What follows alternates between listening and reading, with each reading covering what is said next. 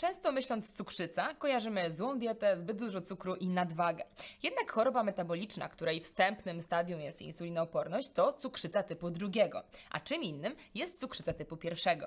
Ta z kolei jest chorobą autoimmunologiczną i mimo tego, że oba te zaburzenia zdrowotne mają wspólną nazwę, ich przyczyna powstawania jest nieco inna. Czym jest cukrzyca typu pierwszego i co powinniśmy wiedzieć na temat jej objawów, diagnostyki, leczenia i diety, którą powinniśmy w takiej sytuacji stosować?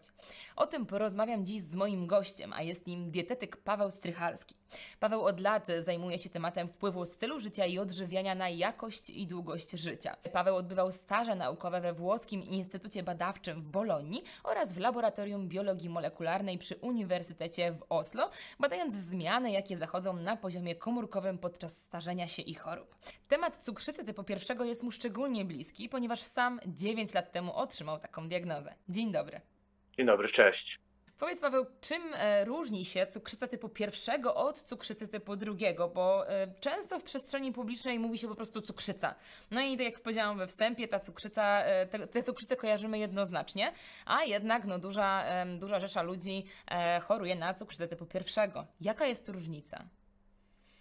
No, znaczy różnica jest, jest dosyć mocno istotna, bo jak wspomniałaś, cukrzyca typu drugiego jest chorobą, która przede wszystkim związana ze stylem życia. Oczywiście e, upatruje się roli genów, czy mm, no, głównie, głównie, głównie genów, ale to nie jest jakiś istotny wpływ.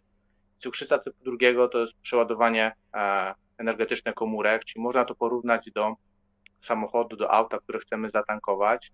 Cukrzyca typu drugiego to jest, że tankujemy i już bak jest pełny, a my dalej tankujemy i ta benzyna zaczyna się wylewać i to nie jest ani dobre dla nas, ani dla, dla środowiska.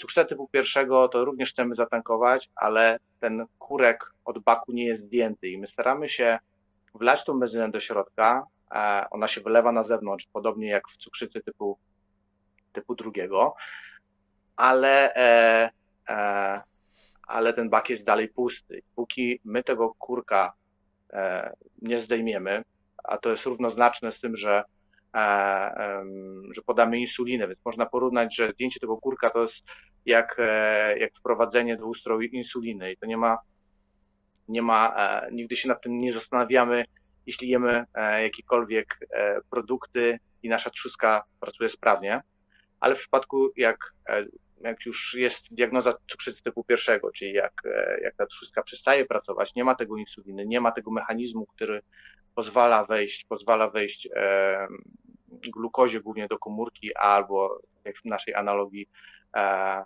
benzynie czy tam jakiekolwiek inne paliwo do baku, a to wtedy zaczyna być e, ten problem, mhm. czyli hiperglikemia i to jest ten stan, e, hiperglikemia, czyli nadmierne starzenie glukozy we krwi. To jest ten stan, który łączy i cukrzycę typu drugiego i cukrzycę typu pierwszego. Cukrzyca typu drugiego to jest e, po prostu spożywanie nadmiernej ilości kalorii, organizm już nie ma możliwości ulokowania tego tam, gdzie powinien, czyli głównie w komórkach tłuszczowych albo mięśniowych. W komórce, w cukrzycy typu pierwszego różnica jest taka, że również nie może tego ulokować w docelowych komórkach, ale e, dlatego, bo te komórki nie są czułe, e, znaczy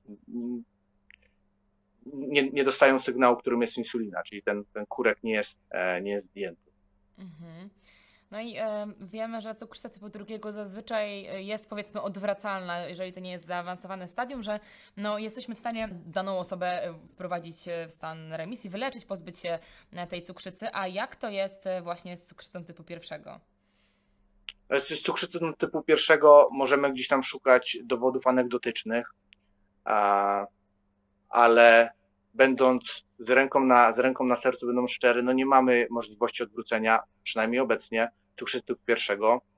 E, jest jeden taki przypadek, który, który, który dobrze rokuje i to jest, to jest ciekawa historia.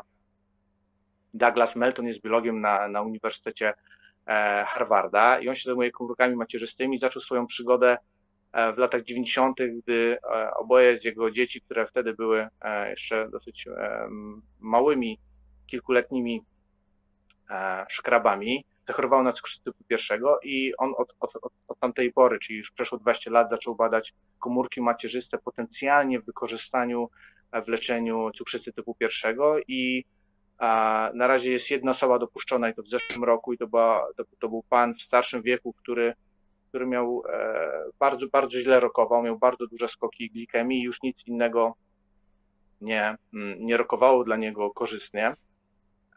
I mm, leczenie komórkami macierzystymi znacząco wpłynęło na poprawę jego hemoglobiny glikowanej, choć ona dalej nie była idealna, ale insulina została produkowana przez, przez, przez jego własne komórki e, i był w stanie zredukować ilość przyjmowanej insuliny z 30 kilku jednostek do 3 dziennie. Więc e, jakiś promyczek nadziei jest, mhm. ale, ale nie jest to, obecnie nie jest to wyleczalna, wyleczalna choroba. Mhm. E, czy to może być choroba postępująca, czy właśnie jesteśmy w stanie zatrzymać jej przebieg? Bo tak jak wspomniałam na początku, no mamy tutaj procesy autoimmunologiczne, tak? Mhm. Autoimmunizacja zachodzi na pierwszym etapie i ona jest skierowana głównie przeciwko, przeciwko jakimkolwiek mechanizmom, które produkują e, insulinę i to mogą być przeciwko wyspom czosnkowym, insulinie, fosfatazie zasadowej. E, jest kilka tych, tych, tych parametrów, e, ale wszystkie zmierzają do tego samego, czyli do uniemożliwienia sprawnego działania insuliny i czy możemy przeciwdziałać? Jak najbardziej możemy przeciwdziałać E, jest takie powiedzenie, że e, jeśli o coś nie dbamy, to się zemści. Cukrzyca jest tutaj idealnym tego przykładem.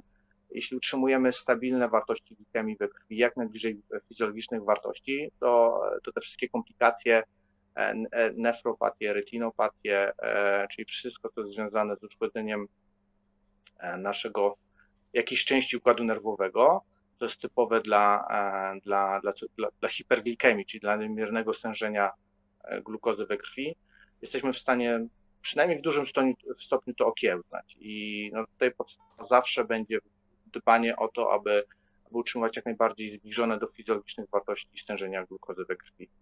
Mhm, mhm.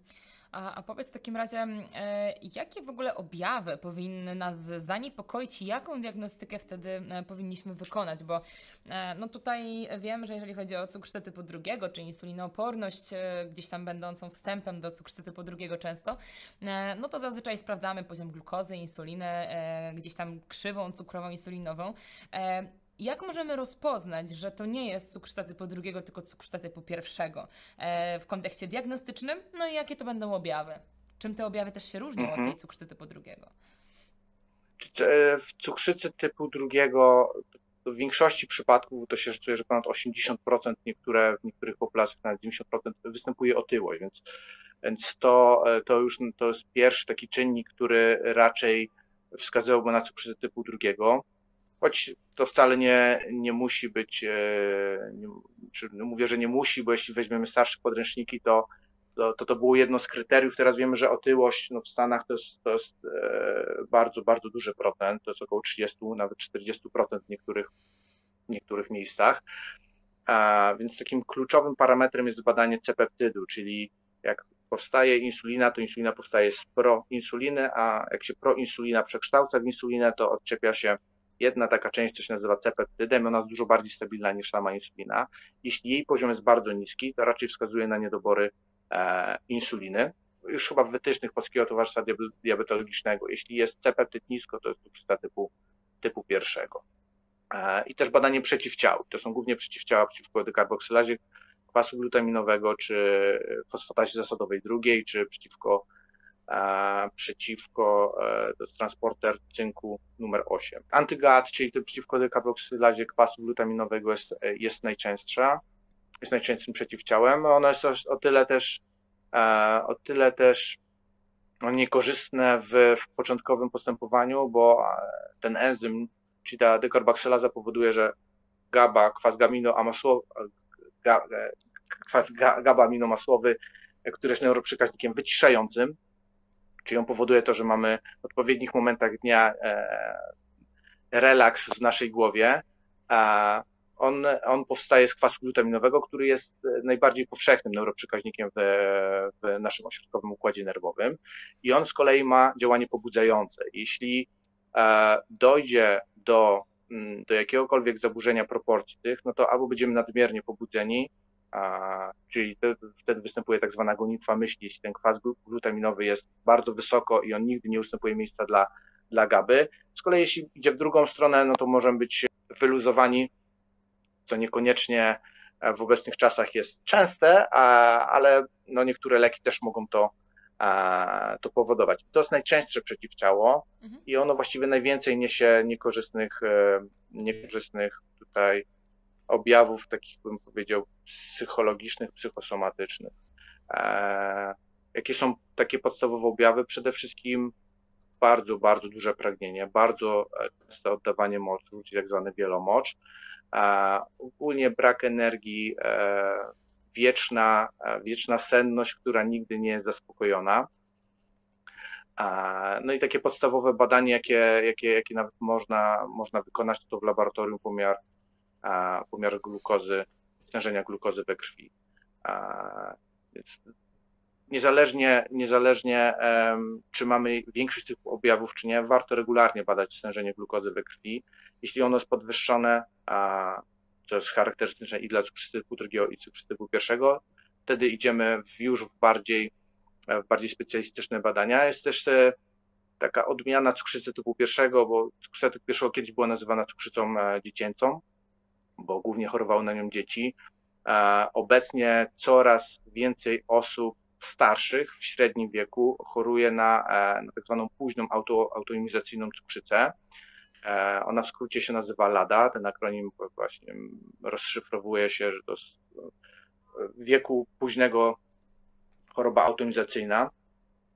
I ona, ona się charakteryzuje tym, w przeciwieństwie do, do cukrzycy pierwszego, że ona się w miarę powoli w miarę powoli rozwija i tam nawet leczenie zaczyna być inne, bo cukrzycy pierwszego leczenie od początku zaczyna być e, w formie podawania insuliny w formie iniekcji, czyli podskórnie, mm, podskórnie e, trzeba wykonać zastrzyk.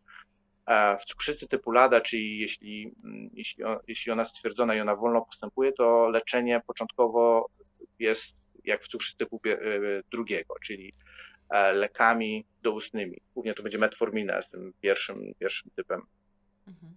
pierwszym typem leczenia, pierwszym, pierwszym związkiem, który ma usprawnić tą gospodarkę glukozowo-insulinową. Powiedziałeś o tym częstym oddawaniu moczu. A co to znaczy częste oddawanie moczu? Żeby tutaj nam się widzowie nie zaniepokoili. No to, to mówimy, że e, raczej, raczej e, nie liczymy w skali dnia, liczymy w skali godziny czyli że raz na godzinę, a lub nawet częściej trzeba, wypija się niebotyczne ilości płynów i tego, tego pragnienia nie da się zaspokoić, więc można wypijać 5, 6, 7, 8 litrów płynów i, e, i dalej mieć ochotę na więcej. Czyli to, to, to z nas przelatuje, a w żaden sposób nie jest, nie jest zatrzymywane w ustroju. To y, trochę można odróżnić jednak od tego, że po prostu chodzimy częściej do toalety, bo wypijemy 3 litry wody, nie? Tak, i też kolejnym takim objawem, że można jeść bardzo dużo, a i tak się chudnie. Czyli a. można spożywać, e, e, no gdzieś tam w literaturze widać kilka tysięcy kilokalorii w skali dnia, od 5 do 6. A dla osoby, która, której zapotrzebowanie pewnie nie będzie więcej niż 2-2,5, a i tak e, masa ciała spada. Okay. To też jest taki kolejny, ko, ko, kolejny objaw i to jest też jedno z zaburzeń, jeśli mówimy o, o postrzeganiu siebie, bo jest wyewoluowała nowa choroba, e, nowe zaburzenie e, psychiczne, że osoby z cukrzycą typu pierwszego nie podają sobie insuliny, aby zachować prawidłową masę ciała. Oczywiście jest okay. E, patologiczne, jeśli chodzi o, o hiperglikemię, bo wtedy te stężenia glukozy są przeogromne. Mogą też prowadzić do wielu zmian. Okej, okay, czyli to chudnięcie jest zawsze y, raczej takim objawem y, rozwiniętej cukrzycy typu pierwszego. Tak, w, w cukrzycy typu drugiego też, te, też może późno, jak jest bardzo zaawansowana i późno zdiagnozowana, to również może następować. No dobra, no w takim razie dostajemy e, diagnozę, tak jak powiedziałaś, e, wprowadza się leczenie, to już w zależności od, e, od też stadia, że tak powiem, choroby. Co możemy zrobić od strony dietetycznej, no bo wiemy jednak, że no, mówimy o gospodarce cukrowej, która jest mocno powiązana z żywieniem. Jak powinna wyglądać dieta osoby z cukrzycą typu pierwszego? Mhm. A czy według zaleceń, według Polskiego Towarzystwa Diabetologicznego, ona się za bardzo nie różni od standardowej diety, nad czym ja ubolewam.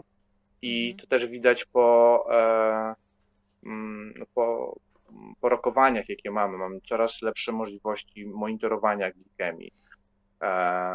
też świadomość, też dobór produktów, jeśli mówimy o tym, że niektóre produkty jakiś czas temu były niedostępne albo były bardzo drogie, to, to, to, teraz większość produktów, e, które wypisz, wymaluj, mogą być najzdrowsze w diecie, są, są w miarę dostępne dla, e, dla, e, dla każdego.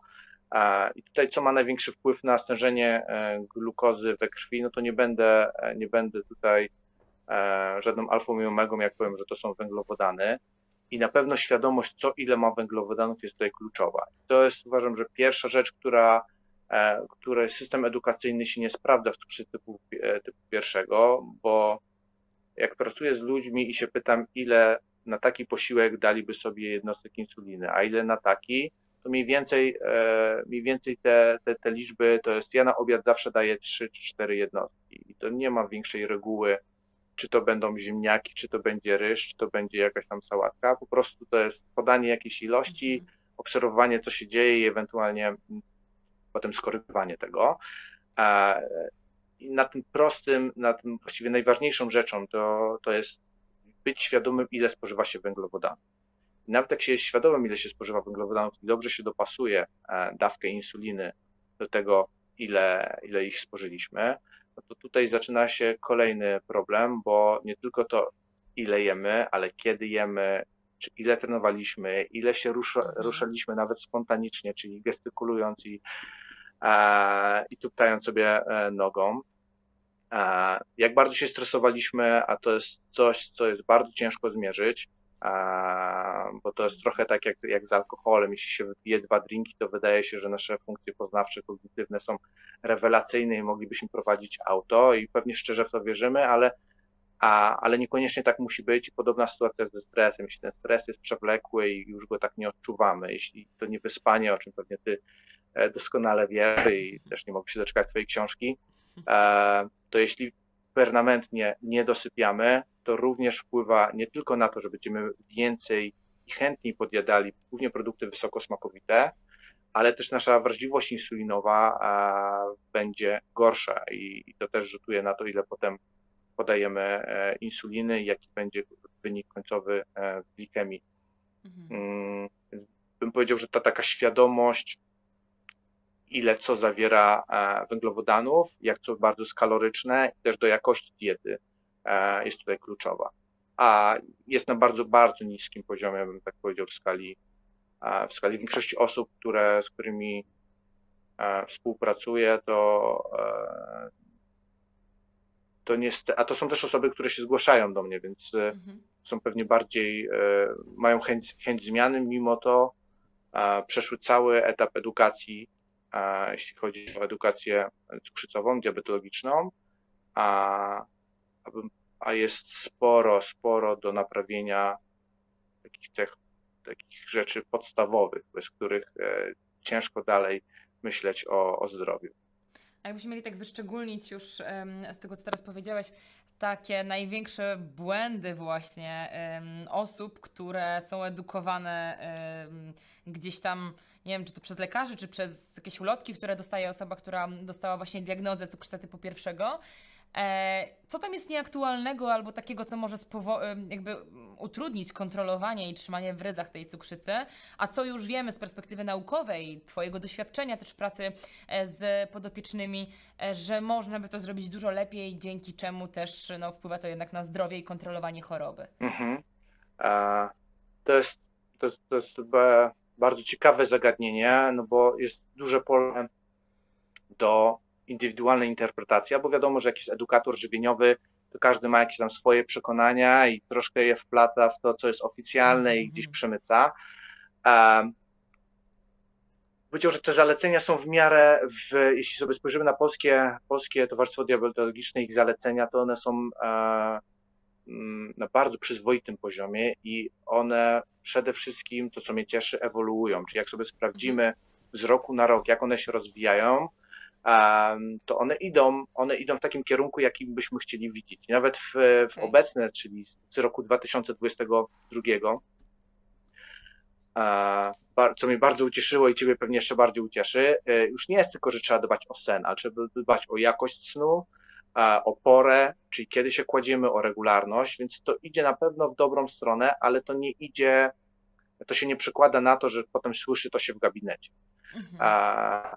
Jeśli mówimy o węglowodanach, e, czy ogólnie o diecie, ona jest, e, w, to też te Polskie Towarzystwo Diabetologiczne to są ogólne zalecenia, więc tam nie ma jakichś wielkich, wielkich szczegółów, ale też się gdzieś tam wspomina, że u osób mniej aktywnych to ograniczenie węglowodanów e, może, może, może mieć miejsce, może nastąpić i może być korzystnym rozwiązaniem ale to jest tylko z definicji, bo dalej, jeśli ktoś zaczyna swoją niezbyt, może usłyszy swoją diagnozę i ona nie jest na pewno niczym, niczym przyjemna na początku, ale to dalej po niej usłyszy to, że większość energii powinna pochodzić z węglowodanów. Mhm. Czyli, że standardowo te 50%, 50% e, energii pochodzenia z węglowodanów powinna być i ja jeszcze nie spotkałem e, przypadku, który miałby przez dłuższy czas, nie mówię jakiś wybiórczo przez miesiąc, spożywając taką dietę, mieć w miarę dobre wyniki, Chyba, że to był ktoś, kto przepalał na rowerze czy w jakichś, w jakichś biegach. Tam jeszcze takie animozy się zdarzają, ale to są, e, to są raczej przypadki, które potwierdzają, potwierdzają zasadę, że ograniczenie węglowodanów jest korzystne i większość badań klinicznych o tym doskonale mówi. Mówię większość, bo, mm, bo czasami one nie są jakoś idealnie zaprojektowane, mimo to E, każde ograniczenie węglowodanów korzystnie wpływa na, na glikemię i nawet porównując do technologicznych, czyli jeśli teraz mamy rewelacyjne możliwości technologiczne pomiaru glikemii, jakieś zamknięte pętle, które na bieżąco monitorują stężenie glukozy,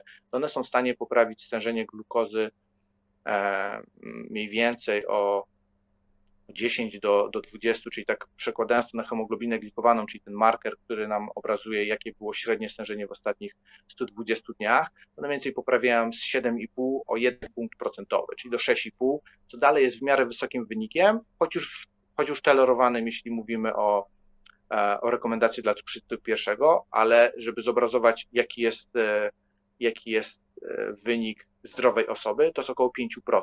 5% to jest średni wynik glukozy około 98, 6,5 to będzie około 130. Mhm. Więc dalej są duże, duże rozbieżności. I tak jak wspomniałem, te, te wszystkie nowe technologie potrafią do około 6,5, 6,7 poprawić.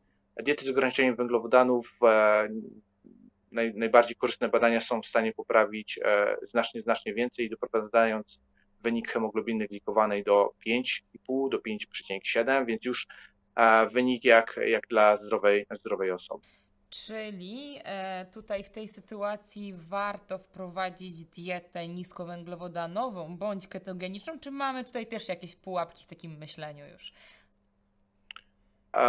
Znaczy, pułapki są, ja bym powiedział, że one są, ale bardziej towarzyskie. E, czyli jeśli cała rodzina e, pięć dni w tygodniu na obiad spożywa makaron, to może być ciężkie rozwiązanie dla tej osoby i ona raczej w tym nie wytrwa.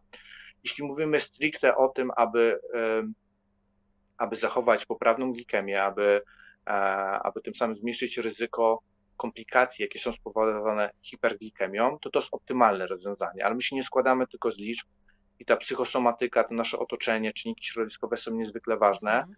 e, i ja przeważnie wychodzę z założenia, że jeśli ktoś e, w kwestionariuszu a wypiszę te, te kilka dni, z, jakie spożywa, będą też dni weekendowe i tam jest, dajmy na to 250 gramów węglowodanów, to staram się to zredukować niedużo, czy jakieś 20-30%, czyli do jakichś 180, to już powinno wpłynąć pozytywnie na glikemię i potem możemy sobie iść dalej. Jeśli ta osoba mówi, że jest to jak najbardziej do respektowania, a przeważnie początki są najbardziej optymistyczne, bo spożywając duże ilości węglowodanów jak wcześniej, to to jest loteria i nic tak nie, nie deprymuje, e, jak stosowanie się do jakichś wytycznych, takie, które obecnie są, mm, są przez lekarza zalecane i potem e, nasza glikemia staje się e, totalną zagadką, czyli nie wiemy, czy będzie wysoko, czy będzie nisko. Jak jest wysoko, nie wiemy, czemu jest wysoko, bo powinno być nisko, bo jednak i się ruszamy i zjedliśmy o niskim ładunku posiłek, Mhm. o niskim ładunku chemicznym i dobraliśmy dawkę, która jest według wszystkich wytycznych, jakie dostaliśmy. Czyli im więcej węglowodanów, tym większa jest nieprzewidywalność, jeśli mówimy o stężeniach glukozy. Potem nagle ograniczamy delikatnie węglowodany i czarno na białym widać, o okej, okay, tyle, taki mniej więcej powinien być zakres i mniej więcej tyle jest, więc zaczynamy mieć kontrolę nad tym, co się z nami dzieje, a wiadomo, że jak już mamy moc sprawczą, to jest mm. najlepsza motywacja do tego, aby działać, działać e, dalej. Trochę się mm, zszedłem na tor boczny. E, ja bym nie był jakiś bardzo ortodoksyjny, żeby ograniczać węglowodany do wartości X czy Y, ale żeby poprawiać to, co jest. Bo czasami można poprawić samą jakość, jeśli ktoś je większość rzeczy w McDonaldzie, to ograniczmy mu delikatnie węglowodany i zamieńmy te posiłki na ciut bardziej odżywcze mhm. i też powinien mieć, e, mieć korzyść, e, benefity. Oczywiście, jeśli te zmiany będą zbyt delikatne i się nie zobaczy żadnej różnicy, to też jest potem minus, no bo jeśli coś zmieniamy i nie widzimy żadnej, e, żadnej korzyści w tym, to ta motywacja żeby to egzekwować, żeby w tym pozostać, jest, jest też nikoma. Więc trzeba mm, na tyle zrównoważyć, żeby nie, nie, nie robić tylko zmiany dla zmiany i ona będzie znikoma, ale żeby ją zrobić na takim poziomie, aby, aby już można było odczuć e, lepszą kontrolę, abyśmy już widzieli, czemu tak się dzieje, gdzie, gdzie są te e, ukryte zagadki w dozowaniu insuliny i spożywaniu niektórych określonych produktów. Czyli e, dopasowujemy tą dietę do aktualnego stylu życia i, i możliwości danej osoby mm, I, i, wychodząc jak zwykle z tego punktu wyjścia, gdzie dana osoba jest teraz i, i ile, na ile sobie możemy pozwolić. A jeżeli ktoś chciałby spróbować diety niskowęglowodanowej, to ty uważasz, że raczej to może być dobry mm, wybór. E, wspomniałeś też, że badania pokazują, że ograniczenie węglowodanów tutaj wychodzi na plus, czyli e, czy na przykład mm, zdarza się, że w jakichś, nie wiem, czy środowiskach, czy gdzieś, nie wiem, w jakichś, na jakichś forach, gdziekolwiek, czy być może wśród lekarzy też e, odradza się stosowanie diety niskowęglowodanowej, tudzież ketogenicznej. Już nie patrzę na te aspekty, wiesz, stricte e, socjologiczne. No wiadomo, że społeczne e, to ma znaczenie, ale zakładając, że ktoś jest na to odporny, on po prostu lubi tak jeść, chciałby, czy może usłyszeć, że w Pana przypadku to jest totalnie niewskazane? Mhm. E, jak najbardziej może i ja nie wiem, czy, czy, czy się dzieliłem z tym, e, z, tą, z tą anegdotą, właściwie to to jest trochę śmieszne, trochę tragikomiczne.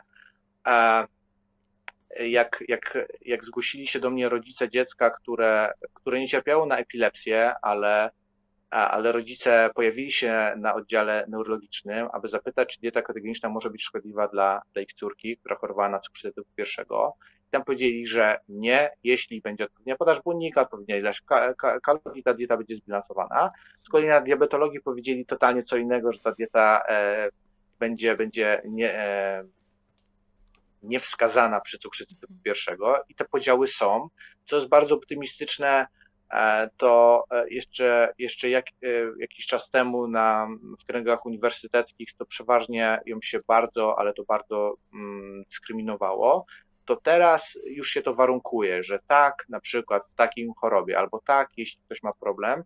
E, ja osobiście, jak do mnie trafiają ludzie, to, to też często jest na zasadzie, że mój endokrynolog czy mój diabetolog mi poleciał, że to mogłoby być dla mnie dobre rozwiązanie i jakby to e, mogło wyglądać. Ja często w ogóle odradzam, żeby schodzić na aż tak restrykcyjne, mhm.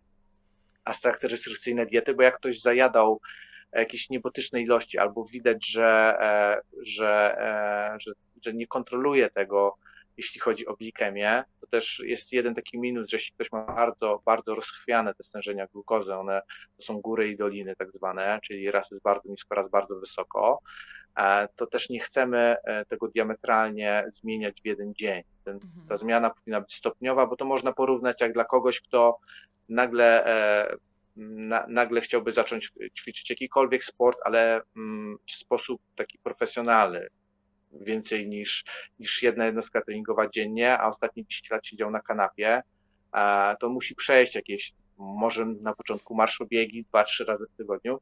I tutaj tak samo chcemy delikatnie i stopniowo poprawiać, poprawiać tą glikemię.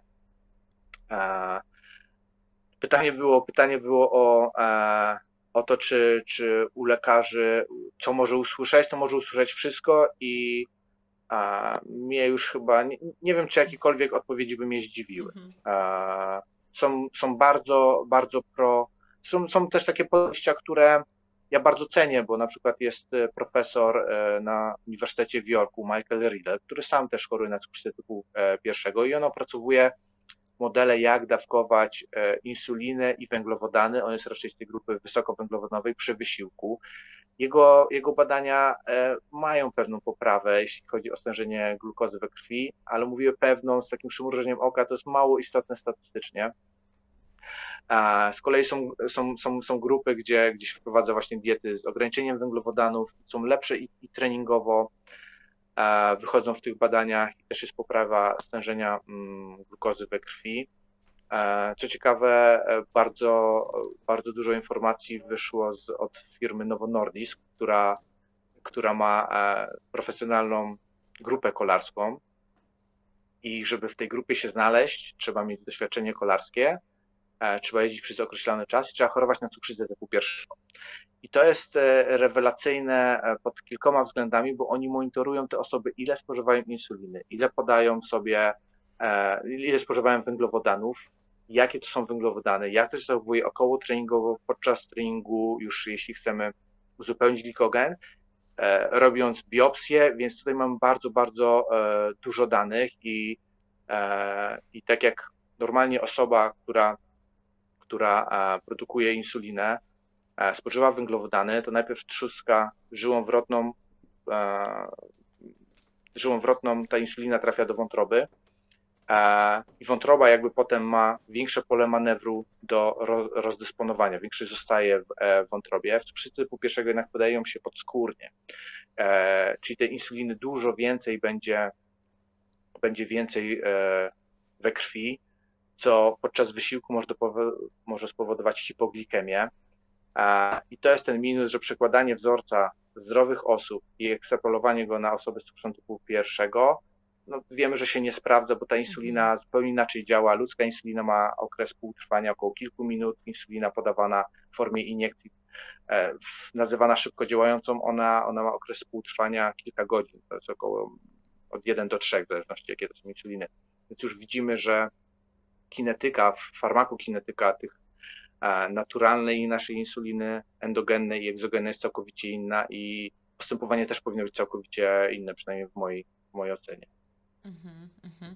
Czyli jak zwykle, e, tak jak powiedzieliśmy, ekstrapolowaniu wyników, to tutaj jest bardzo ważny też taki E, mały wniosek, że ludzie e, biorą czasem badania i chcą z jednego badania wyciągać wnioski na, na wszystkich i, i tworzyć takie uniwersalne zalecenia żywieniowe, tak już odchodząc na sekundkę od cukrzycy.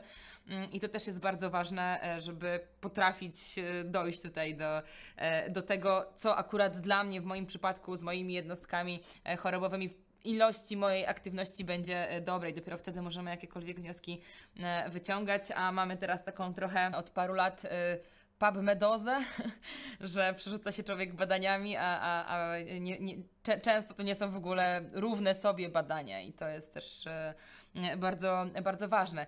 Mm, z tego, co powiedziałeś e, wcześniej a propos, e, tak zamykając ten temat niskowęglowodanowa i keto kontra wysokowęglowodanowa, podsumowując, nie ma takiej potrzeby, żeby ktoś z cukrzycą typu pierwszego przechodził na tak restrykcyjny model żywieniowy, ale jeżeli ktoś lubi i dla niego to nie jest restrykcyjne, a chciałby, to może wynieść z tego korzyści, tak?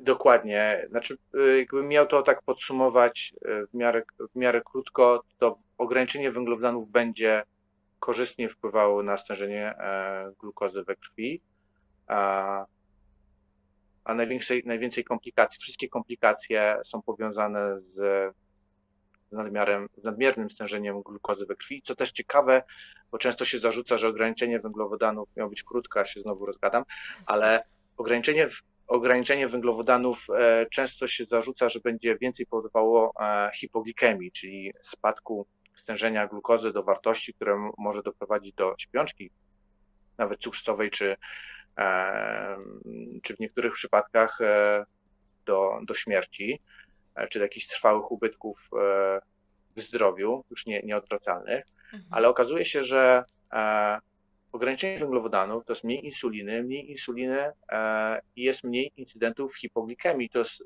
to, nie jest, to nie jest trend zauważalny, tylko to jest znaczna istotność statystyczna. Mhm. Czyli ograniczenie węglowodanów powoduje bardziej stabilne e, wartości e, glikemii, czyli tak zwaną euglikemię. To jest coś, co właściwie po to to wszystko robimy, po to cała edukacja, po to odpowiednie dawkowanie insuliny, aby zbliżać się do wartości fizjologicznych, żeby nie było ani tych gór, czyli żeby nie było e, hiperglikemii, ani tych dołów, czyli hipoglikemii.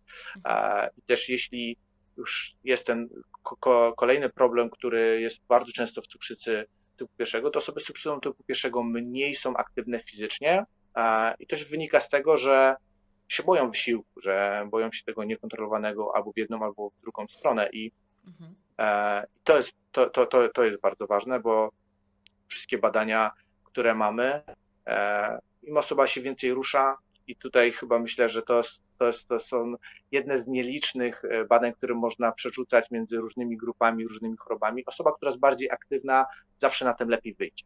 Mhm. i co będzie w cukrzycy typu pierwszego, typu drugiego, w demencji jakiegokolwiek typu, czy będzie choroba Alzheimera, czy to będzie jakieś e, mm, choroby neurodegeneracyjne, jak choroba Parkinsona obok, e, czy to będą inne choroby autoimizacyjne, ruch zawsze, e, oczywiście odpowiednio dobrany, żeby, żeby też nie, nie robić siebie atlety przez 20 godzin na dobę, ale racja, odpowiednia racja i żywienia, i aktywności fizycznej, kultura fizyczna każdego dnia będzie naszym sprzymierzeńcem w walce o, o lepszą wersję siebie. Mhm.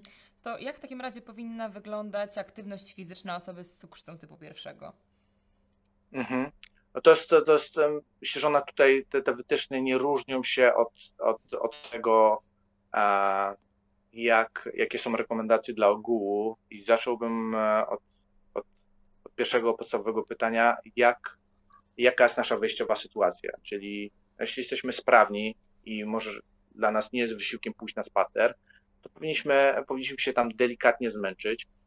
E, różnica jest e, tylko w, w doborze wysiłku, że trening o niskiej intensywności, tak zwany trening tlenowy aerobowy, on ma tendencję do obniżania stężenia glukozy we krwi.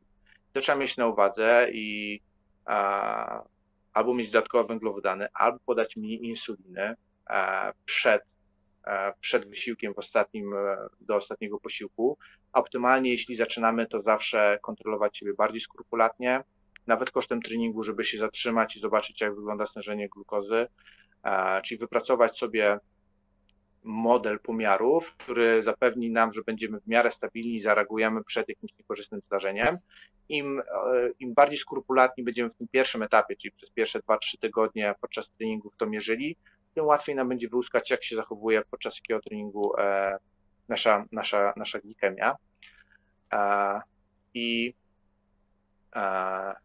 I zacząć przede wszystkim powoli, czyli mhm. robić coś, co, co jest nam znane, ćwiczenia, zawsze zawsze mieć przy sobie e, mm, coś, co w razie hipoglikemii szybko będzie potrafiło zadziałać. To przeważnie cukry, cukry proste w formie, formie płynnej. E, I dobrze, jeśli nigdy nie, nie uprawialiśmy żadnej aktywności fizycznej, to może nie będzie optymalnym rozwiązaniem pójść na długie wybieganie samemu do lasu. Mhm. A na tym pierwszym etapie, czyli zawsze, żeby ktoś nam, ktoś nam to, to towarzyszył, ktoś, ktoś był ewentualnie do, do pomocy. To trochę brzmi strasznie, jak o tym opowiadam, tak układam to sobie w głowie, ale, a, ale to tylko na początku. A są jakieś przeciwwskazania, czy to raczej właśnie zawsze jest to kwestia personalizacji możliwości danego człowieka? Znaczy, jak już, są, jak już są powikłania, to będą pewne przeciwwskazania. E, przeciwwskazaniem na pewno jest nadmierne stężenie glukozy i się e, tą, e, to w zależności od kraju to się zmienia. W Polsce mówi się, znaczy w wytycznych jest, że 250 mg w decylitrze to jest ta, ta granica, powyżej której e, raczej nie powinno być aktywności fizycznej, choć są pewne wyjątki. E, chociaż chociażby na przykład takich, że zjedliśmy za dużo i wiemy, czemu to się pojawiło. E, sporo lekarzy, z którymi miałem okazję mm, konsultować, albo na szkoleniach, to raczej, raczej są bardziej restrykcyjni, mówią, że ten punkt gdzieś około 200, 220 oni by zalecali. W literaturze znajdziemy próg nerkowy, e, przeważnie to jest 180 mg decylitrze i to jest e, próg nerkowy, to jest już ta wartość, kiedy nasze nerki nie, nie są w stanie filtrować odpowiednio i w moczu pojawia się, pojawia się glukoza. I to, to są zmienne osobnicze. Będą osoby, u których będzie się pojawiało przy 170 albo nawet niższe wartości, jeśli ktoś już ma jakieś pierwsze zmiany mhm. nefropatyczne. Okay. Znaczy pierwsze zmiany patologiczne w nerkach. Okej. Okay. A y, jak, są jakieś dyscypliny sportowe, które są niewskazane przy cukrzycy typu pierwszego, czy to, to też personalizacja? To też y, są, mówi się, że te, kiedyś, kiedyś na to był większy nacisk, aby podkreślać, że sporty, gdzie może się zwiększać ciśnienie śródgałkowe, czyli wszystkie jakieś y, siłowe rzeczy, rwania, nierwania, przysiady, e, coś, co jest bardziej dynamiczne, to nie jest za bardzo wskazane. E, sporty, które są, e, znaczy to ciągle sportami, jakiś wysiłek rekreacyjny, jakiś rower, nordic walking, e, bieganie w tej, w tej strefie tlenowej, czy strefę tlenową, ja mniej więcej tak, tak określam, że jeśli jesteśmy w stanie w miarę swobodnie mówić podczas biegu, ale jakby ktoś z nami rozmawiał, to by, jakbyśmy z kimś przez telefon rozmawiali, to by wyczuł, że jakąś aktywność podejmujemy, to jest mniej więcej tak strefa tlenowa. Mhm to, mm, to, to kiedyś mówiło się, że to są optymalne i od nich warto, warto e, zaczynać, albo warto, żeby one się, się pojawiały, e, bo one są proste i też raczej nie doprowadzą do kontuzji, a to trzeba mieć na uwadze, że, e, że to może być problematyczne. Mhm, mhm. Okej, okay, tutaj mm, jeżeli dana osoba z cukrzycą typu pierwszego chciałaby dobrać dobrą aktywność do siebie, to do kogo się powinna tak naprawdę zwrócić? Zakładając, że lekarz prowadzi tą osobę pod kątem e, wyregulowania choroby, dietetyk pod kątem diety, e, czy to tutaj właśnie pomiędzy tymi dwoma osobami chyba, tak? Czy, czy jest jeszcze, nie wiem, jakiś trener, który się może zajmować takim dobieraniem aktywności? No bo to chyba... Znaczy, e, myślę, że to jest ka każdy trener, który, który e, potrafi wyłapać ewentualne mankamenty, czy jakieś braki, jakieś predyspozycje, czy lub ich brak do danych ćwiczeń tutaj się sprawdzi. No i tutaj empiryzm, czyli no, na tych pierwszych treningach pewnie bardziej skrupulatnie będzie trzeba mierzyć stężenie glukozy we krwi. Większość osób jednak ma jakiekolwiek doświadczenie, więc jakiś już punkt wejścia jest jeśli chodzi o aktywność fizyczną. Problem zaczyna się, jeśli ta osoba przez bardzo długi czas nic nie robiła i te, to, co 5 lat temu było prawdą, jeśli chodzi o jej wrażliwość insulinową czy, czy sprawność fizyczną, może już nie być aktualne. Mhm. E, e, ale no tutaj, tutaj, e, tutaj, jeśli kogoś z jakichś powodów albo nie stać, albo nie chce iść do trenera personalnego, to, to bazowałbym, zacząłbym od tych ćwiczeń, które są jej znane, kiedy były kiedyś uprawiane, pewnie w mniejszej intensywności, mniejszej objętości, ale to jest dobry, dobry, dobry punkt, aby, aby zacząć. Czyli to, mhm. co jest nam znane, pozostać w tym momencie, pozostać w tej strefie komfortu. Mhm. I, ko- I, kontrolować jednocześnie, jak nasz organizm na to e, reaguje. E, Pawle, e, zanim przejdziemy sobie jeszcze tutaj do tematu mm, powikłań, to zapomniałam przy diecie o jednej rzeczy, a mianowicie temat ilości posiłków i intermittent fasting, bo to są dwa tematy trochę ze sobą powiązane, trochę nie, ale wiem, że o te dwa tematy na pewno moi widzowie też by chcieli zapytać. Mhm. E, ilość trochę nawiążę do tego, jak wspomniałem o czasie półtrwania, o czasie półtrwania e, insuliny, którą podajemy egzogennie, czyli w formie iniekcji. Ona jest dłuższa, więc e, ja nie jestem wielkim zwolennikiem pięciu i więcej posiłków Choć nie powiem, że nigdy nie zdarzyło mi się wprowadzić, bo jeśli ktoś deklaruje, że kompulsywnie podjada, albo mhm. jego posiłek zaczyna się od 7 rano, kończy o 22, bo ciągle coś tam przerzuca, to, to faktycznie tak, ale e, raczej bym celował w cztery posiłki, dla mężczyzn może nawet w trzy, znaczy dla kobiet też, ale e, raczej bym się, raczej bym się skłaniał, że kobiety, kobiety nie, nie wiem, czy jest e, im wygodniej, ale preferują, preferują te cztery posiłki. Mężczyźni często, często trzy lub mniej. I tutaj też nie jestem zwolennikiem IF-u w, w określonych przypadkach. E, i te przypadki to jest osoba, osoba nie ma ze sobą żadnej aktywności fizycznej, czyli monitorujemy kroki, tam jest e, tragedia, czyli poniżej 3000, e, treningu żadnego nie uskutecznia. Mm, I dlaczego nie jestem fanem? Bo już kilka osób się do mnie zgłosiło z takim problemem, że mówią, że masa ciała spadła w pierwszym tam jakimś etapie, kiedy na własną rękę próbowali podejmować e, właśnie okresowe posty, czyli jedli w jakimś oknie, przypuśćmy 8-godzinnym i masa ciała ładnie spadła, a obwód talii nie. E, mhm. więc stracimy masę mięśniową, czyli coś, co jest rezerwuarem zdrowia, można powiedzieć rezerwuarem długowieczności, mhm. czyli im więcej, im szybciej tracimy masę mięśniową, tym nasze zdolności motoryczne spadają, e, i to jest charakterystyczne dla e, przedwczesnego starzenia się, czyli ta sarkopenia, dynapenia, utrata masy mięśniowej i siły, a pozostaje im obwód talii, który i tak nie był najmniejszy, e, czyli pozostaje im ten tłuszcz trzewny, który, który jest najbardziej prozapalną tkanką tłuszczową i to nie jest dobre rozwiązanie. I jeśli ktoś, jeśli ktoś idzie w tą stronę i cieszy się, bo ubywa kilogramów, ale nie ubywa centymetrów stali, czy jeśli ktoś robi sobie deksy, czy jakieś inne pomiary, e, to jeszcze to bardziej będzie namacalne. To jest, to jest ten etap, kiedy ja raczej odradzam przynajmniej te 8-godzinne, albo wdrożyć jaką aktywność fizyczną, czyli pobudzić tę, tą syntezę białek mięśniowych tak jak powinniśmy, czyli przez aktywność fizyczną, mhm. czyli mechaniczne niszczenia włókien mięśniowych i organizm w myśl zasady, e, że trzeba to odbudować, będzie to odbudowywał, a drugie też, żeby e, zadbać o podaż białka, bo, bo to też jeśli ktoś je dwa posiłki w skali dnia i jeden jest jakościowo nie najlepszy, mhm. czyli nie, nie jest jakoś tam pełnowartościowy, a to jest jakaś przegryzka w stylu trochę malin, troszkę gorzkiej czekolady i e, pełno masła orzechowego, a drugi no to już taki ty, ty, ty, typowy, e, typowy posiłek, no to tego białka, szczególnie dla mężczyzny, może być zbyt, e, zbyt mało, no to jest do, do monitorowania, więc IF ja bym raczej się skłaniał, żeby to było 10 godzin niż 8. Są bardzo ciekawe prace Pau Tau i Sachin Pande, czyli osób, które, które e, specjalizują się i w, e, w cyklach okołodobowych. E, Pau Tau jest bodajże kardiologiem.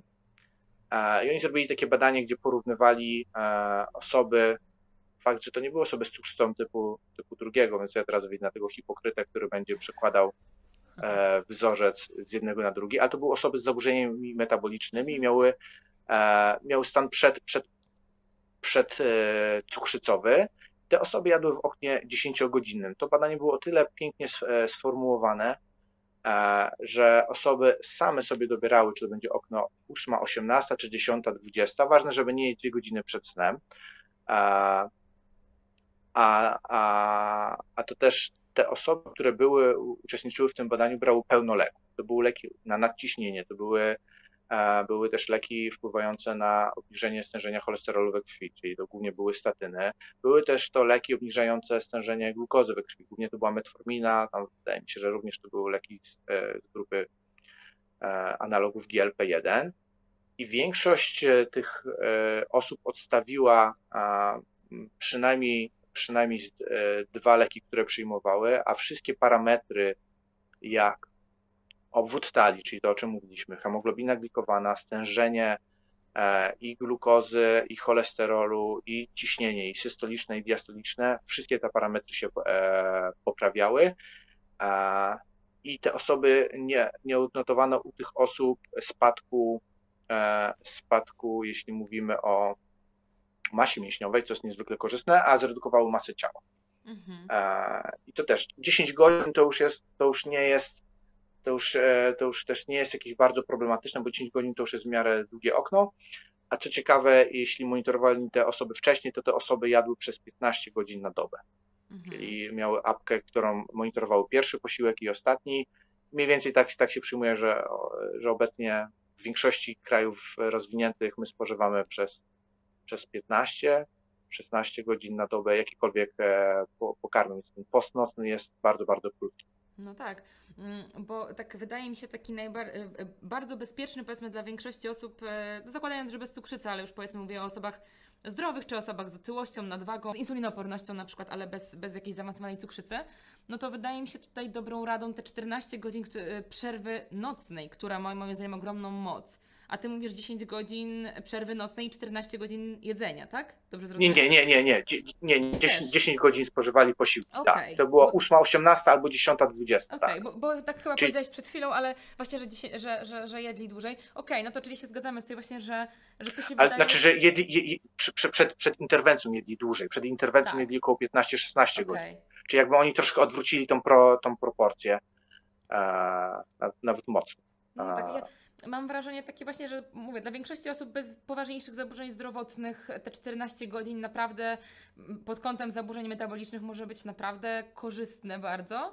I co wracając do tematu snu, nawet w kontekście e, tego ta, ta, ta przerwa taka dłuższa e, pozwala na więcej energii rano i to wie, i też pod kątem anegdotycznym nawet widzę, wielokrotnie widziałam to, jak, e, jak nagle ktoś ma więcej energii rano, bo właśnie stosuje, stosuje taki post. I to wcale nie musi być post, że nagle jemy przez tylko 6 czy 8 godzin, tak jak powiedziałeś też, ale te 14 godzin niejedzenia, 10 godzin jedzenia, to to jest 8-18, to mi się wydaje mhm. takim bardzo też y, bardzo społecznie sensownym, bo y, gdzieś tam w okolicy zaczynania pracy, po powrocie do domu i w środku dnia y, trzy posiłki, jeżeli to są trzy posiłki, ta ósma, osiemnasta, wydaje mi się to bardzo naprawdę takie proste do zastosowania, a jednocześnie już możemy wynieść wiele korzyści zdrowotnych, nie? Tak, tak. To jest, e, znaczy mój, mój, mój temat pracy dyplomowej to był czas spożywania e, pokarmów, a zdrowie metaboliczne i, a, i ja byłem jak, jak, jak zbierałem, jak przeglądałem literaturę, to ja byłem pod niesamowitym wrażeniem, że e, na bardzo dużych populacjach, to głównie były włoskie badania, e, mhm. jeśli mówimy o chorobach neurodegeneracyjnych i chorobach nowotworowych, to ten czas, im był dłuższy post nocny, e, tym te osoby rzadziej chorowały na choroby neurodegeneracyjne i choroby nowotworowe i też nawet osoby, które już były po, po leczeniu, to mniejsze ryzyko było wznowy, czyli nawrotu choroby nowotworowej, jeśli były lepsze parametry zdrowia metabolicznego i ten czas postu nocnego, też nie chcę powiedzieć, że im więcej, tym lepiej, żeby ktoś nie mhm. zrozumiał, że 18 godzin będzie lepiej, ale te 12 godzin już było taką odpowiednią, e, odpowiednią wartością, gdzie, gdzie wykładniczo tam się odbijało, że wtedy było widać najwięcej korzyści, a 12 godzin to wcale nie jest dużo e, i jeśli ktoś, jeśli ktoś e, jest w stanie to zrobić, a wydaje się, że większość osób jest w stanie wytrzymać te 12 godzin, e, to na pewno wyniesie z tego wiele, wiele e, korzyści, chociażby, e, chociażby takich długofalowych, ale nawet jeśli ktoś nie je 2-3 godziny przed snem, to jakość snu, jakoś termogeneza posiłkowa jednak zaburza jakość snu i więc pewnie można by o tym godzinami rozmawiać. Jeszcze tylko chciałbym powrócić do IF-u i cukrzycy typu pierwszego i to jest tak. właściwie taka zasada, która każda nowa interwencja, cokolwiek byśmy nie wdrożyli, to trzeba pamiętać, że e, większość e, cukrzycy typu pierwszego, no życie jest krótsze o mniej więcej 12 do 16 lat, w zależności kiedy ta choroba była zdiagnozowana. E, I to jest związane z, ze stężeniem glukozy we krwi. Czyli im wyższe, tym, tym, tym krócej osoba będzie żyła, jeśli dodatkowo jeszcze nie ćwiczy.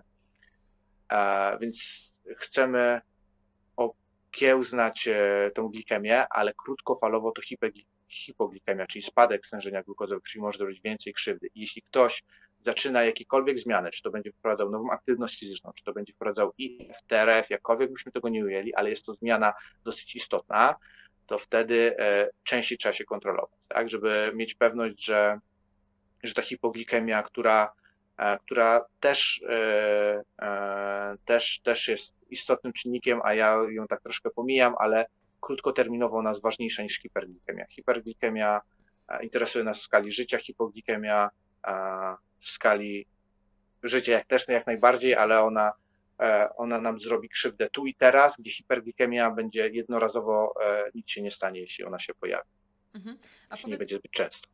Okej, okay, a powiedz, jakich możemy się spodziewać powikłań e, i jak szybko one mogą wystąpić przy nielecza, nieleczonej lub niekontrolowanej cukrzycy typu pierwszego?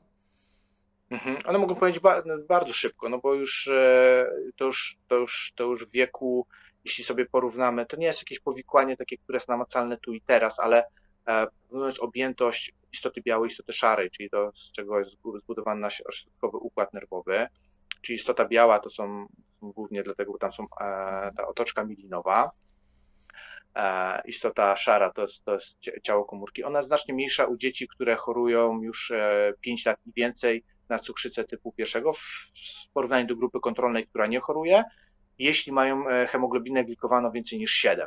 A to jest wynik, który większość diabetologów powie, że to jest wynik e, prawidłowy. Nie idealny, ale prawidłowy.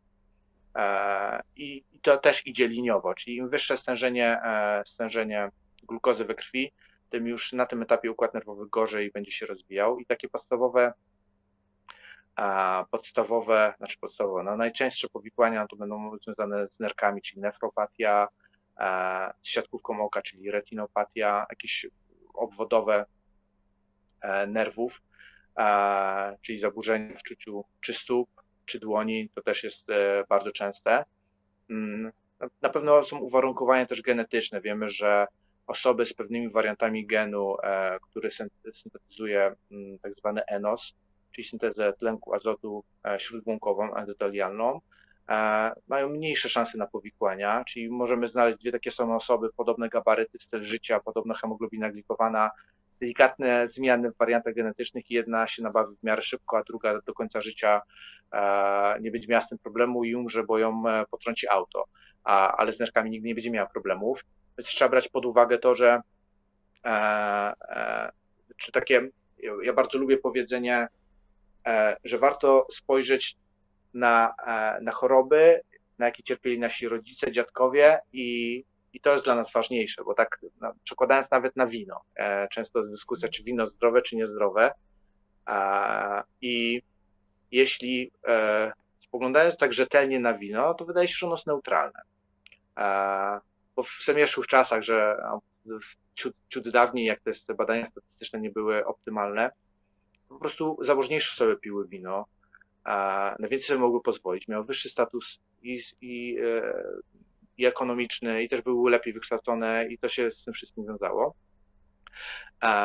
Ale jeśli w, w naszej rodzinie występowało wiele chorób nowotworowych, no to wino może to przyspieszać, szczególnie jeśli to były nowotwory wątroby. Z kolei, jeśli większość osób miało problemy z chorobami naczyniowo-sercowymi, to się okazuje, że wino tutaj może mieć swoje małe benefity, na przykład zmniejsza małą lipoproteinę A. I oczywiście mówimy o, rozsądnym, e, o rozsądnej konsumpcji wina, tak? I e, jeśli mówimy o powikłaniach, wiadomo, że mogło nie być nikogo e, wśród naszych rodziców czy dziadków z cukrzycą typu, typu drugiego, czy pierwszy, no, przepraszam, pierwszego, ale jeśli były choroby E, nerek, no to bardziej powinniśmy na to zwracać uwagę, tak? I bardziej się e, pod tym kątem ukierunkowywać, no bo cukrzyca typu pierwszego prawdopodobnie uwypukli to, co było w naszej rodzinie. E, u nas będzie prawdopodobnie wcześniej w przypadku, jeśli to będzie niekontrolowana cukrzyca, niekontrolowane stężenia glukozy. Mhm, czyli mamy mm, dwójkę ludzi, tą samą chorobę, a zupełnie inny może być jej i przebieg, i powikłania. I, i pewnie. A to jest. Mhm, śmiało. Mhm taki też się, był taki, nie wiem czy go nazwać badaczem, Józef Stalin, który, e, mówię, mówię o tym Stalinie, e, czyli jak była zimna wojna między Finlandią a, a Rosją, to on zrobił coś wielkiego, można powiedzieć, dla nauki. Jeśli mówimy też o tych, o, o czynnikach ryzyka genetycznych, środowiskowych i gdzie to się spotyka, jak i, jaką średnią ważoną, to e, jak była zimna wojna, to Stalin przesunął granicę z Finlandią, bo Finlandia była bardzo bliska Petersburga, to był w, tamtych czasach Leningradu, strategiczny punkt i przesunął ją znacznie dalej. Tam jest ten, ten rejon się nazywa Karelia. Te osoby zamieszkujące Karelię, część została po stronie rosyjskiej, e, znaczy część została po stronie fińskiej, część pozostała po, po, po stronie rosyjskiej. I oni są bardzo e, homogeniczni, jeśli, jeśli mówimy o aspekcie genetycznym, czyli oni, oni genetycznie są bardzo do siebie podobni. Jest to e, częstotliwość występowania tych, tych genów odpowiedzialnych za celiakię i za cukrzycę typu pierwszego była w, i w środowisku, znaczy i po stronie rosyjskiej, i po stronie fińskiej taka sama, czyli ty, tych genów HLA, czyli przeciwko leukocytom tak zwanych DQ2 i DQ8 i one są, to są, to są, to są geny, które, warianty genów, które, które predysponują do cukrzycy typu pierwszego i do celiaki. I co się okazało? Osoby, które pozostały w Rosji, cieszyły się gorszym statusem e, społecznym, miały, mieszkały na wsi, mieszkały w pokojach, gdzie, e, gdzie, gdzie żyło pełno z nimi innych osób, więc ta mikrobiota ich, ta stymulacja ich układu odpornościowego była bardziej naturalna. Z kolei e, fińska, mm, fińska część tych mieszkańców zaczęła żyć no, w taki typowy sposób dla dużych miast. I, i okazało się, że fińska populacja z tego rejonu Kareli sześciokrotnie częściej chorowała na celiakię i pięciokrotnie na cukrzycę niż ta rosyjska. Mm. I to też nam pokazuje, że pomimo tych samych genów, e, czyli ta grupa była bardzo jedno, jednorodna, e, ryzyko było dwudziestokrotnie, znaczy pięciokrotnie wyższe i sześciokrotnie wyższe w stosunku do celiaki i do cukrzycy typu pierwszego. E, no i tutaj nie ma innego wytłumaczenia niż te czynniki środowiskowe i tam te, te badania wychodzą e, co roku. Jedno z nich się nazywało, które ostatnio wyszło Immunidex, jak dobrze pamiętam, i, mhm. i te, te, te, zmiany, te zmiany w mikrobiocie są, są e, mocno, mocno zauważalne i są e, ciężko wyłuskać dokładnie jedną konkretną zmianę, ale widać, że ta, ta różnicowanie tej mikrobioty jest znacznie inna w tej fińskiej i rosyjskiej, rosyjskiej społeczności mieszkańców Kareli, co co ewidentnie obrazuje, że styl życia, czynniki środowiskowe i ekspozycja na, na różnego rodzaju patogeny, które mogą być naszymi sprzymierzeńcami e, w określonych przypadkach oczywiście, mhm. E, jest tutaj kluczowa dla, dla zachorowalności. Czyli tutaj też pasuje to nasze mm, ulubione powiedzenie, e, że geny ładują pistolet, ale to styl życia pociąga za spust, prawda? I, i jednak tak, możemy tak. mieć predyspozycje genetyczne do wielu poważnych zaburzeń zdrowotnych, ale spora część z nich może się nigdy nie ujawnić, bo na przykład prowadzimy dobry, mm, zdrowy styl życia. E, co znaczy zdrowy styl życia? No to już byśmy mogli tutaj długo mm, rozmawiać. Zresztą ty się specjalizujesz w temacie mm, długowieczności, więc na pewno będę chciała na ten temat też z Tobą na kanale e, porozmawiać w, w innym odcinku. A powiedziałeś, że e, jeżeli chodzi o predyspozycje genetyczne, to że podobne predyspozycje genetyczne, podobne geny nas predysponują do celiaki i do cukrzycy typu pierwszego. E, mówi się często, że e, te choroby autoimmunologiczne chodzą parami czy nawet grupami. Jak to jest z cukrzycą typu pierwszego? Czy one też mają jakieś charakterystyczne właśnie zaburzenia jak celiakia, czy być może coś innego? Co na co warto zwrócić szczególną uwagę, kiedy chorujemy na cukrzycę typu pierwszego? W jakim kierunku się warto jednak mimo wszystko sprawdzać co jakiś czas? Zakładając, że no nie badamy powiedzmy tutaj sobie genów, tylko chcielibyśmy raz na jakiś czas wykonać taką diagnostykę związaną z przeciwciałami chociażby, e, żeby mieć pewność, że nas e, tutaj nic dodatkowego poza tą cukrzycą typu pierwszego nie dotyka. Mhm. A, I to jest, to jest taki, to jest, to jest temat, który który moglibyśmy też rozłożyć na czynniki pierwsze, bo jeśli jest ograniczenie węglowodanów i my tego glutenu spożywamy mało, a jak go spożywamy, to raczej wybieramy produkty, które niosą coś więcej mm. niż, e, niż sam, samo tylko to białko, które e, występuje w pszenicy, życie i owsie, to ja bym nie, nie uważam, że to jest duży problem, bo to będzie na tyle rzadko, że to nie wywoła żadnej, e, żadnego problemu, chyba że są jakieś stricte wskazania, częste biegunki podejrzenia anemii, gorsze, znacznie gorsze samopoczucie. E, I e, to jest, to, to jest kwestia, która, no, jeśli idziemy, jeśli idziemy w, w, sferę, w sferę diety low carb, to siłą rzeczy gluten będzie, będzie wykluczony. Jeśli pozostaje, jeśli totalnie nam to nie odpowiada i nie widzimy tego, to często, przynajmniej jak osoby do mnie trafiają, nie wiem, czy to już jest złoty standard, czy to jest wytyczna lekarza prowadzącego, ale często widzę, że te przeciwciała przeciwko e, transglutaminazie, czy, czy to jest endomysium, jak dobrze pamiętam, przeciwciała przeciwko endomysium, e, są, są już wykonywane przy diagnozie cukrzycy typu pierwszego, z racji tego, że, że właśnie ten, ten fundament mhm. genetyczny jest, jest, jest zbliżony. E, tutaj jest, znaczy to też nie są tanie badania, myślę, że najrozsądniej będzie zwrócić się do lekarza i poprosić o te badania. I ciężko mi sobie wyobrazić, żeby lekarz mógł odmówić w przypadku cukrzycy typu pierwszego i jakichkolwiek objawów, które mogłyby wskazywać na celiakię. Mhm. A, bo zresztą wiadomo, że, że też e, fundusze e, grają tutaj rolę i wydaje mi się to optymalne, opty, optymalne rozwiązanie, mhm. żeby to okay. lekarza zrobić. Mhm. Czyli raczej e, najbliższe tutaj to, co na pewno warto, no to celiakia, a inne to raczej, jeżeli jakiekolwiek objawy byłyby, tak? Czy nie ma. Mm, mhm. Znaczy, myślę, że to, to by wyszło, znaczy chyba najczęściej, szczerze powiedziawszy, najczęściej widzę e, połączenie cukrzycy pierwszego z, z limfocytarnym e, naciekiem tarczycy naciekowym, czyli tak zwane potocznie choroba Hashimoto. E, I to, e, to jest, nie chcę teraz rzucać liczbami, ale to jest bardzo, bardzo częste. Mhm. I też dobrze obrazuje, jak ciężką chorobą jest cukrzyca typu pierwszego w porównaniu do innych chorób, bo dobranie leczenia mm, dla wspomnianego Hashimoto czy dla innych schorzeń, to przeważnie jest e, coś, co przyjmujemy ten, ten L-tyroksynę raz dziennie, czy to w formie euteroksu, czy letroksu. W cukrzycy typu pierwszego to jest wieczna kontrola, czyli przed każdym mhm. posiłkiem, bo trzeba widzieć, jakie jest stężenie przed, jakie jest po. Z tym też się wiąże, e, myślę, że to będzie prężnie rozwijający się e, dział psychodietetyki, bo często się mówi, że czasami trzeba wyluzować z dietą, ale jak wyluzować z dietą w cukrzycy pierwszego, że dzisiaj nie używam insuliny, bo jadę na wakacje, albo dzisiaj tego nie policzę. I to jest duży, duży, e, uważam, problem, który nie, też nie jest zaadresowany. Że to, mhm.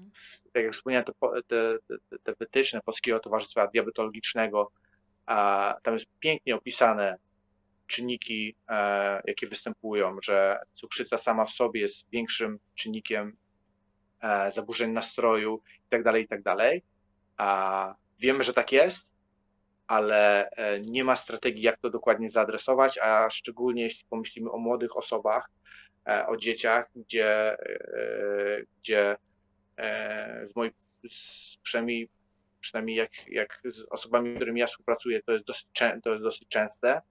Potem się nagle okazuje, że nie ma specjalisty, który jest w stanie pomóc, albo jest, ale on jest na tyle oddalony w czasie, że, że to, to w latach się liczy, a nie w tygodniach czy w miesiącach. I to jest też mhm. duży problem. Zresztą psychiatria to jest pewnie osobny temat, jak no to. Tak. Zwłaszcza dziecięce. Jak to nie? dobrać. Tutaj. Mhm. Tak mi się też to skojarzyło e, z sytuacją, gdzie e, był tak, wiesz, pop dietetycznie, e, wszyscy strasznie, baliśmy się glutenu, no potem ten drugi trend, czyli hej, wszyscy możemy jeść gluten, wyluzujcie, on nie szkodzi. I e, to wielokrotnie słyszałam takie historie i też można to zaobserwować, że jak idzie, powiedzmy idziesz gdzieś zjeść coś z osobą, która ma celiakię, a w grupie, no to zazwyczaj jest takie, no dobra, weź bez przesady, przecież gluten nie szkodzi, nie? I takie nawet czasem kelnerzy tak patrzą na te osoby, że Jezu, znowu ktoś przyszedł, kto wydziwie, e, bo tak e, poszliśmy w drugą skrajność, z tego, że się wszyscy bali glutenu, do tego, że wszyscy, wiesz, są takim z optymizmem na ten gluten, a wiemy, że on może realnie być problemem u u wielu osób. I e, wniosek jest taki, że nie komentujmy wyborów innych e, żywieniowych. I to tak, chyba jest tak. najważniejsze. Ja często taką radę daję, że jeśli ktoś, e, tak jak wspomniałaś, to jest na topie i to albo jest fopa, albo passe i to będą się heheszki, uśmieszki. Jeśli ktoś nie lubi centrum uwagi, to ja często, a nie, nie ma stwierdzonej celiaki, ale na przykład jest na diecie low carb, często mówię, że ma nietolerancję na skrobie. I tego to już jest na tyle abstrakcyjne, e, bo e, gluten zawsze będzie niósł ze sobą, no chyba, że jest jakaś panierka, no ale to będzie na tyle znikome, że ktoś nie ma celiaki, to, to w stanie jest no tak. przejść. Ale skrobia jest na tyle jeszcze enigmatyczna, że gro osób nie, nie skojarzy dokładnie o co chodzi, może sobie potem wygoogluje a że też to się nie przewija często, więc, e, więc raczej nie będzie jakichś negatywnych komentarzy. Mhm. E, e, większość osób mówi, że się sprawdza, że te, tego nikt nie neguje, bo jak się, jak się o czymś nie wie, to ciężko to potem skomentować. No, dokładnie, dokładnie, chociaż no, z drugiej strony szkoda, że musimy szukać takich obejść. E, warto jednak, e, drodzy widzowie, tutaj pamiętać, że e, różne przyczyny mogą być z różnych powodów, ludzie unikają różnych rzeczy. Jedni z powodu mody, ale drudzy z powodu zdrowia i po prostu, no to nie nasz interes po prostu i to jest bardzo ważne, bo sama choroba już jest obciążeniem psychicznym, dokładając do tego jeszcze to, że się trzeba na każdemu, na każdym kroku tłumaczyć, to już jest dodatkowe obciążenie, zbędne obciążenie, e, a chcemy, żeby tym osobom było jak najlżej. Pawle, bardzo Ci dziękuję za tą rozmowę. Bardzo dużo e, przekazałeś nam wiedzy i mam nadzieję też, że tutaj e, osoby, które, e, które chorują na tą chorobę, wyniosą też dużo ciekawostek dla siebie. Jestem pewna, że, że tak będzie. Ja, tak jak powiedziałam, chciałabym też się z Tobą spotkać na rozmowę na temat długowieczności, bo tutaj, tak jak wspominałeś też i, i często piszesz u siebie na, na, na Facebooku, na który też serdecznie zapraszam. Link jest cały czas pod tutaj Pawła. Będzie w opisie też link, ale jest też na na, ekranie. E, więc tutaj też na pewno jest wiele pytań, wiele mitów, które bym chciała z Tobą omówić. A za dziś Ci bardzo dziękuję. Ja dziękuję.